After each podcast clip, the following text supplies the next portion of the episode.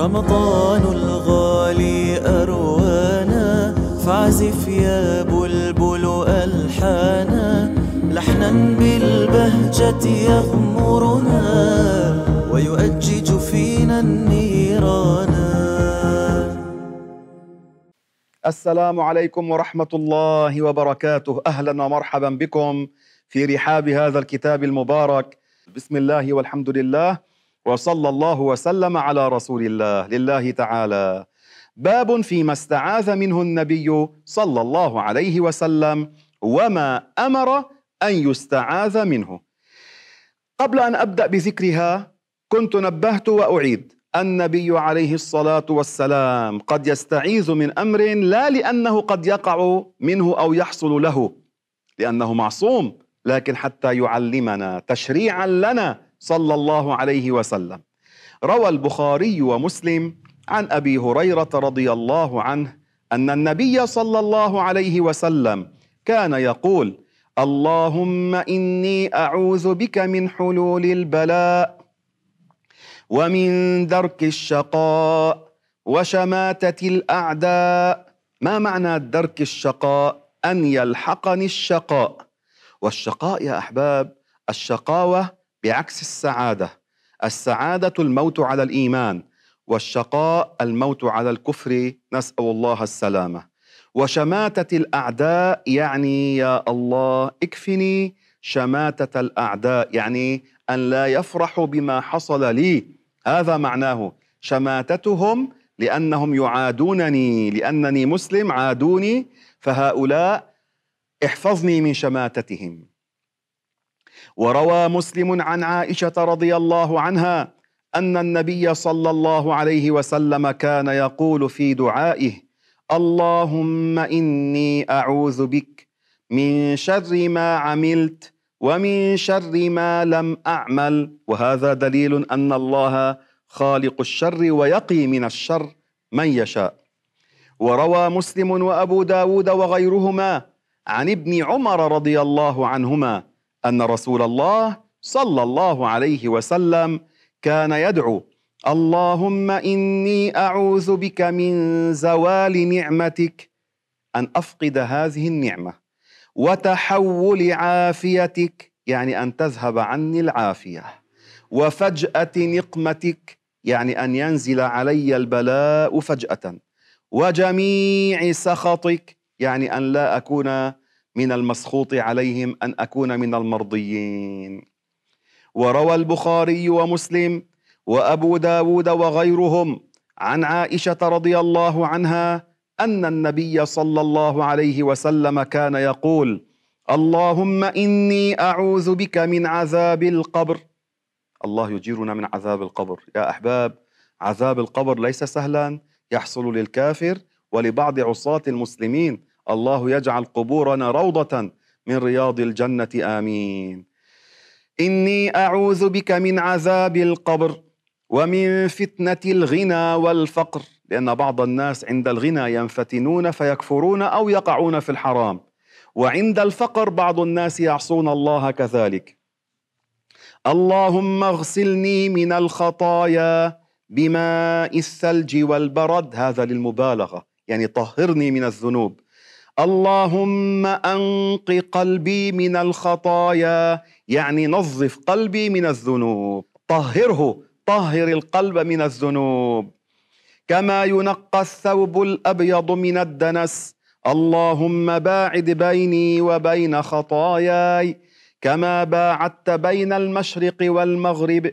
اللهم إني أعوذ بك من الكسل. أي كسل؟ الكسل هو ضعف الهمة عن الطاعة. والهرم يعني كبر السن لأن بعض الناس عندما يكبرون لا يجدون من يعينهم وقد يصاب الشخص غير الأنبياء بأرذل العمر الذي ذكرنا يسمى عندنا هذا الزهايمر بخرف. فهذا يستعيذ النبي صلى الله عليه وسلم يعلمنا أن نستعيذ من الهرم. والمأثم والمغرم المأثم المعصية. المغرم أن يصير علي غرامات ولا أستطيع أن أفي بهذا. وروى ابن أبي شيبة في المصنف وابن ماجه وغيرهما عن عائشة رضي الله عنها أن رسول الله صلى الله عليه وسلم علمها أن تقول اللهم إني أسألك من الخير كله عاجله وآجله القريب والبعيد. الآن وفي المستقبل. ما علمت منه وما لم أعلم وأعوذ بك من الشر كله عاجله وآجله.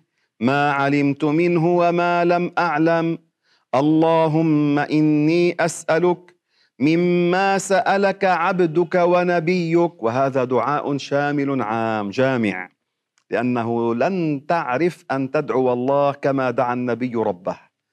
فتقول اللهم إني أسألك مما سألك عبدك ونبيك صلى الله عليه وسلم.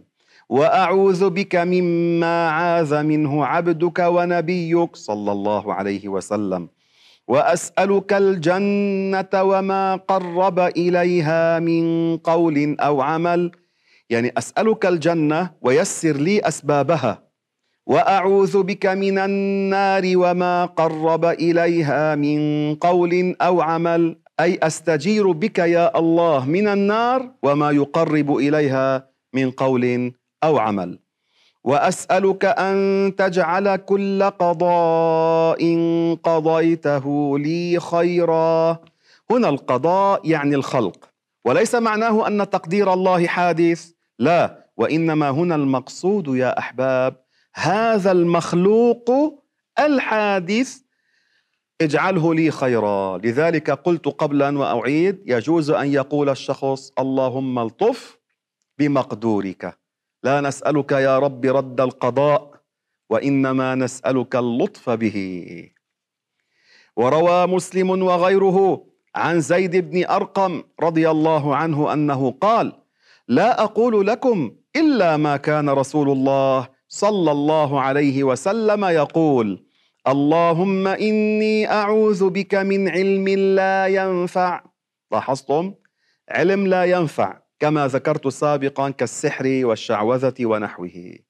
ودعاء لا يسمع يعني لا يقبل وإلا فالله يسمع الدعاء سواء قبل أم لم يقبل. الله لا يغيب عن سمعه مسموع تبارك وتعالى.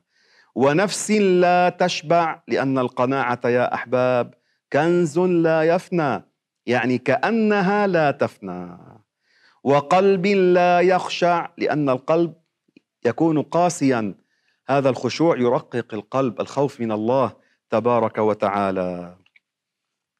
وروى أبو داود والنسائي والطبراني وغيرهم عن كعب بن عمرو رضي الله عنه أنه قال سمعت رسول الله صلى الله عليه وسلم يستعيذ يقول اللهم إني أعوذ بك من الهرم والتردي. كما قلت لكم الهرم يعني الكبر. طيب كبر السن. أما التردي هو السقوط من أعلى لأنه قد لا يموت الشخص من هذا السقوط. هو إذا مات من هذا السقوط نال الشهادة غفر له. لكن قد لا يموت فورا فيعترض على الله الإنسان. لذلك الرسول يعلمنا من هذا. وأعوذ بك من الغم والغرق والحريق والهدم. الغم من الغموم يعني غم اغتم وهو نوع من الكرب. نقول هم وغم. هذا الإنسان عنده هم شيء همه يحصل في المستقبل يعني من تفكر للمستقبل. أما الغم أصابه الآن. هناك فرق بسيط بينهما لكن هذا كرب وهذا كرب. والغرق والحريق والهدم كما ذكرت وأيضا يا أحباب الهدم يعني أن يقع عليه الدار مثلا. وهذا لأنه قد لا يموت ويعترض فلا يتحمل لا يصبر. وأعوذ بك أن يتخبطني الشيطان. يعني أعوذ بك أن يمسني الشيطان بأذى. وأعوذ بك أن يتخبطني الشيطان. وأعوذ بك أن أقتل في سبيلك مدبرا. يعني وأنا فار من الزحف. مدبرا فارا من الزحف. هذه من الكبائر. يعني أن أثبت في القتال في سبيلك يا الله. وأعوذ بك أن أموت لديغا. هذا الذي يحصل من الحية والعقرب. وروى مسلم وغيره عن أبي هريرة رضي الله عنه أن رسول الله صلى الله عليه وسلم كان يقول اللهم إني أعوذ بك من عذاب جهنم. الله يجيرنا منها. وجهنم باقية إلى ما لا نهاية له. وأعوذ بك من عذاب القبر وأعوذ بك من فتنة المسيح الدجال. فتنته عظيمة أجارنا الله منها. لكن سيدنا عيسى عليه السلام ينزل ويقتله في باب اللد في فلسطين. وأعوذ بك من فتنة المحيا والممات. وروى الترمذي وابن حبان وغيرهما عن قطبة بن مالك رضي الله عنه أنه قال كان رسول الله صلى الله عليه وسلم يدعو بهؤلاء الكلمات اللهم جنبني منكرات الأخلاق والأعمال والأهواء والأدواء. الله أكبر. منكرات الأخلاق. في أخلاق طيبة وفي أخلاق منكرة خبيثة لا خير فيها. كمان الأعمال فيها خير وفيها شر. الأهواء جمع هوى والهوى ما مالت إليه النفس. اجعل هواك تبعا لما جاء به النبي. أما ما مالت إليه النفس من الباطل فهو باطل. والأدواء جمع داء وهو المرض. وروى البخاري ومسلم عن أنس رضي الله عنه أنه قال كان رسول الله صلى الله عليه وسلم يقول اللهم إني أعوذ بك من العجز والكسل. العجز هو أن تمتنع عن فعل الخير لا تقدر أن تعمل الخير. أما الكسل كما ذكرت هو ضعف الهمة عن فعل الخير. والجبن هو بعكس الشجاعة. فالنبي قال أعوذ بك من العجز والكسل والجبن والهرم والبخل وأعوذ بك من عذاب القبر. وأعوذ بك من فتنة المحيا والممات. وفي رواية وضلع الدين وغلبه الرجال. ضلع الدين يعني شدة الدين ثقل الدين حمله ثقيل. لذلك يا أحباب الواحد ما بيذم الدين على الإطلاق هذا في تفريج للكروبات. لكن كمان الإنسان منا يدعو بأن يقضي الله دينه. وأنا بقول يا أحباب ما تدخل بدين إلا لضرورة إلا لحاجة. منه حرام؟ النبي اقترض صلى الله عليه وسلم ولكن الواحد يتنبه عنا أهل بيروت بيقولوا ما تتدين لا تتزين. معناتها بيقولوا ما تتدين لتجيب شيء لا خير فيه وتوسع بالتنعم ما تقدر ترد بعدين. فانتبه الدين يكون لحاجة. أما غلبة الرجال يعني أن يقهرني الرجال أن يذلني الرجال. عم يستعيذ بالله من ذلك. وروى البخاري ومسلم عن أبي بكر الصديق رضي الله عنه أنه قال قلت لرسول الله صلى الله عليه وسلم علمني دعاء أدعو به في صلاتي. الله الله.